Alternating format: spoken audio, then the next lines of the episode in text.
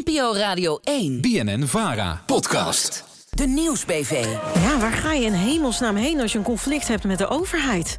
De meeste mensen zullen dan niet meteen denken aan de commissie voor de verzoekschriften en de burgerinitiatieven. Ja, volle mond. Maar daar kan je dus wel terecht. Toch kent uh, bijna niemand deze route en dat moet anders. Tijd voor een uitleg. OO Den Haag. En voor die uitleg uh, zit in de studio in Den Haag... de voorzitter van de Commissie voor de Verzoekschriften... en de Burgerinitiatieven, Zoher El Yassini. En naast hem onze politieke redacteur Anna Plezier. Goedemiddag, Anna.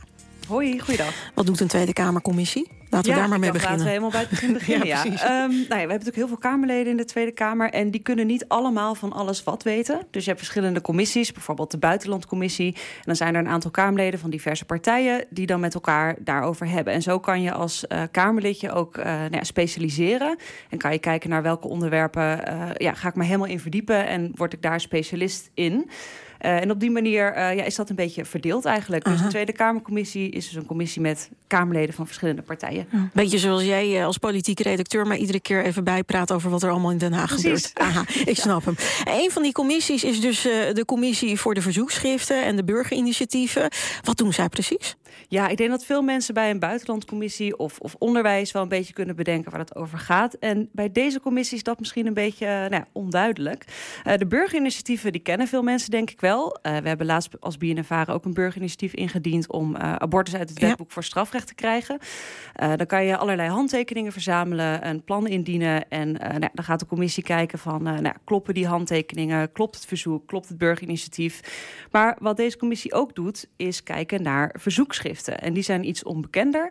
Um, als jij als burger ja, een individuele kwestie hebt, dus zelf mm-hmm. een probleem hebt met de overheid en jij vindt dat de overheid een verkeerde beslissing heeft genomen, dan kan je dat dus aankaarten uh, bij die commissie. En dan gaan zij zich over jouw probleem buigen en kijken of het inderdaad klopt dat de overheid ja, iets niet goed heeft gedaan. Oké, okay, nou maar dit, dit, dit is heel verhelderend. En dan denk ik, ja, waarom wist ik dit niet eerder? Ik had er nog nooit eerder van gehoord. Had jij er eerder van gehoord? Nou, ik moet heel eerlijk zeggen, de petities en de burgerinitiatieven... Ja, dat wel. Dat is me allemaal wel bekend, maar die verzoekschriften... Nee. als iemand dat aan mij vroeg, dacht ik toch... ik weet het niet precies. Uh, dat voelt een beetje gênant misschien.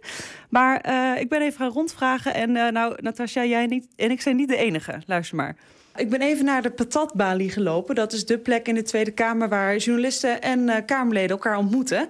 En dit lijkt me de plek om even rond te vragen of mensen weten wat de commissie voor de verzoekschriften en burgerinitiatieven eigenlijk doet. Ik zou je mijn collega, weet jij precies wat de commissie voor verzoekschriften doet?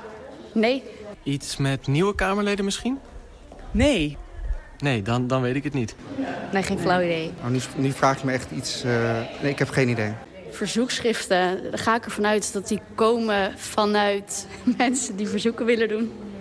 Ja? Of, dat dan, of dan burgers zijn of Kamerleden, zou ik even niet weten. Nee, ik, ga, ik wilde iets heel intelligents gaan uh, verzinnen nu, maar ik heb absoluut geen idee. Nee, ik heb geen idee. Waarom denk je dat niemand hem kent?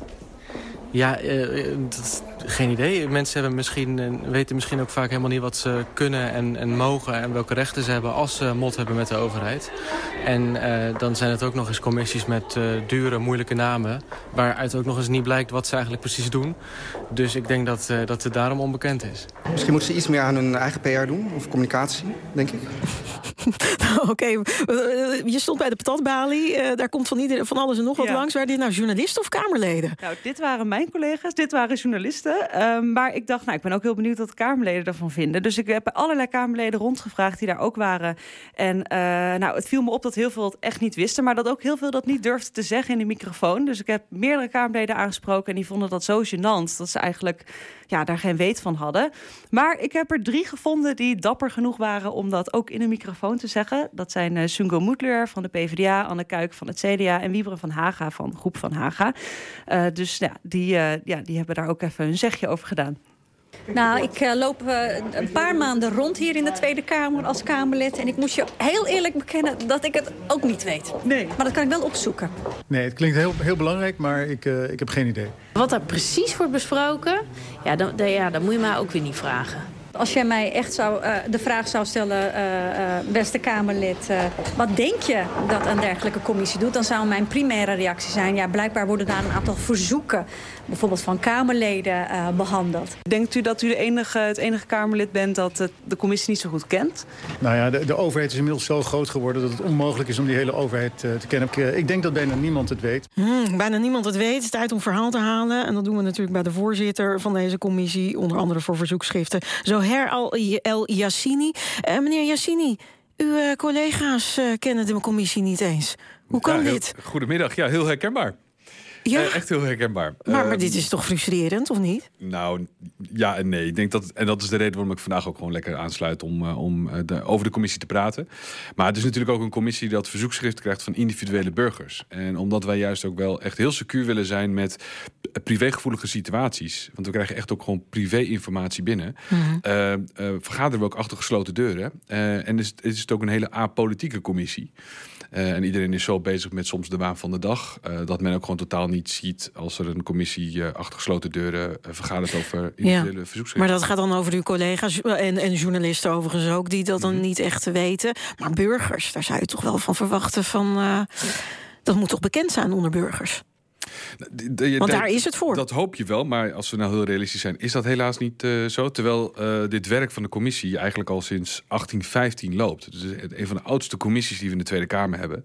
Die de mogelijkheid geeft aan mensen om hun. Uh, artikel 5 van de grondwet staat ook dat elke inwoner het recht heeft mm. om zijn bevoegd gezag te kunnen aanschrijven. Zonder daar gestraft voor te worden. Dat is een groot goed in onze democratie.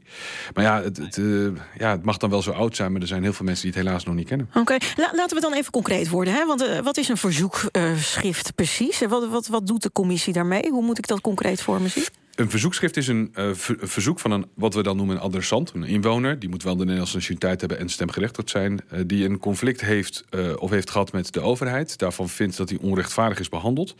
Daar ook alle bezwaar- en beroepsprocedure is doorlopen. En, en ook al niet meer dit verhaal bij de rechter kan aanhangen. en eigenlijk gewoon met het hand in het haar zit en zegt: van, waar moet ik dan naartoe? Dan zijn wij eigenlijk een beetje een soort laatste reddingsboei.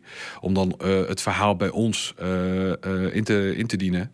en dan gaan wij er naar kijken. Dan gaan wij ook het ministerie vragen van... joh, hoe zit dat nou met deze specifieke situatie? En is het wel allemaal zo eerlijk geweest? Ja, en, en over wat voor zaken gaat het dan? Onderwerpen waar mensen dan over schrijven? Kan het ook gaan over je verkeersboete bijvoorbeeld? Uh, er zijn verschillende onderwerpen. Wat wij zien als commissies, het meeste wat we krijgen is de Belastingdienst. Uh, mm -hmm. Dat zijn uh, beslissingen geweest die mensen ook fiscaal raken. Um, en dat komt ook omdat bij de Belastingdienst, als je je laatste brief krijgt met de definitieve beslissing van de Belastingdienst, staat er eigenlijk op de laatste alinea dat als, als men er toch uh, um, niet eens is met de beslissing, dat ze nog altijd de commissie van de verzoekschriften kunnen aanschrijven. En daardoor krijgen wij eigenlijk van nature al heel veel verzoeken die met de Belastingdienst te maken hebben. Okay. Uh, maar overal kan iedereen, uh, en op de website staat het ook van de Tweede Kamer, iedereen die um, um, binnen die voorwaarden valt, die kan een verzoekschrift indienen en die kan dan vragen: ik wil dat jullie er naar kijken en, en daar een beslissing over nemen. En hoe vaak gebeurt dat nou dat iemand een verzoekschrift indient? We hebben voor 2021, 2022 zo'n 202 uh, verzoekschriften ontvangen. En daarvan hebben wij maar, ik denk zo uit mijn hoofddoek nu, 13 behandeld. Maar 13 van de 202? Waarom? Ja, dat, zo, dat is best wel weinig. Waarom? Ja, dat is ook wel weinig. En dat heeft te maken met het feit dat als een verzoekschrift binnenkomt, moet het echt aan een aantal voorwaarden uh, uh, voldoen. De, de, de, persoon in kwestie moet stemgerechtigd zijn. Uh, die moet ook aangeven wat het probleem echt is en waar. Dat, dat, die, dat het echt ook van de Rijksoverheid is. Dus als je een probleem met de gemeente of een provincie heeft, dan kan die ons al niet aanschrijven. Hm. Dus dat is al een van de redenen. Dus. Um, en het moet um, de, be, de bezwaar en de procedures, bezwaarprocedure en de beroepsprocedures, en moet ook doorlopen zijn. En het kan ook niet meer bij de rechter worden ingediend. En Ja. soms Ja. is een verzoekschrift, uh, hebben die opties nog open. En dan moeten we hem afwijzen. Nou, wat ik me wel heel erg afvraag, het klinkt best wel ingewikkeld wat u nu Ja. vertelt. Ik heb zelf ook even gekeken van stel, ik zou een verzoekschrift in willen dienen. Hoe werkt dat dan? En het is heel mooi dat deze commissie er is en dat dat kan. Maar het is best wel heel erg ingewikkeld en moeilijk. En ik kan me heel goed voorstellen dat mensen denken... het woord verzoekschrift vind ik al zo ingewikkeld. Het voelt als een vrij grote drempel. Dus ik vraag me dan wel af, ja, ehm, is het dan wel toegankelijk genoeg voor de gemiddelde burger? Toen ik aantrad als uh, voorzitter voor deze commissie, zag ik al direct meteen dat als een burger een, een verzoekschrift wil indienen, dat hij het gevoel heeft dat hij tegenover een berg staat. Die totaal niet weet hoe hij die moet uh, overwinnen. En dat is ook waarom we zijn gestart binnen de commissie om na te denken: hoe kunnen we het nou makkelijker maken voor mensen? En uh, um, daadwerkelijk ook wat ze dan noemen gebruiksvriendelijker maken. Dat als je een verzoekschrift indient, dat je niet op een gegeven moment denkt van ja, ik moet eigenlijk een jurist of een advocaat zijn om überhaupt hier aan te beginnen. Maar dat elke inwoner dat kan. Vandaar dat we ook hebben meegewerkt met het onderzoek van het Ratenau Instituut. Die ook heeft gezien van hoe kan je die kloof tussen burger en overheid nou verkleinen. Door inderdaad niet moeilijke woorden te gebruiken, ingewikkelde procedures. Maar dat je mensen echt de mogelijkheid geeft om bijvoorbeeld via een website alles makkelijk te doorlopen. Waardoor je uiteindelijk ook weet of je zo'n verzoekschrift kan indienen.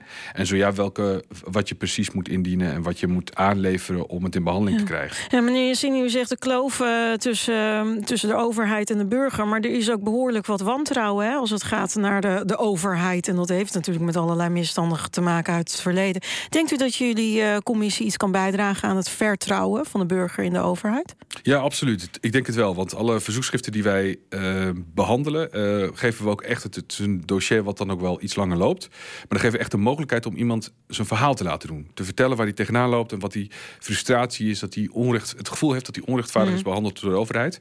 En dan krijgen we echt, het ministerie krijgt dan een uh, mogelijkheid om te reageren op dat verzoek. En dan gaat het uh, een paar keer over en weer. En mensen hebben het gevoel dat ze gehoord worden voor het eerst. Mm. En dat is echt cruciaal en belangrijk. En het gebeurt ook heel vaak dat de commissie dan zegt: Nou, als wij zien naar wat het ministerie zegt, ja, dan kiezen we eigenlijk gewoon de kant van de inwoner. Ja. En dat betekent dus ook dat de minister echt moet gaan heroverwegen of hij dit besluit wil, uh, wil aanhouden. Duidelijk.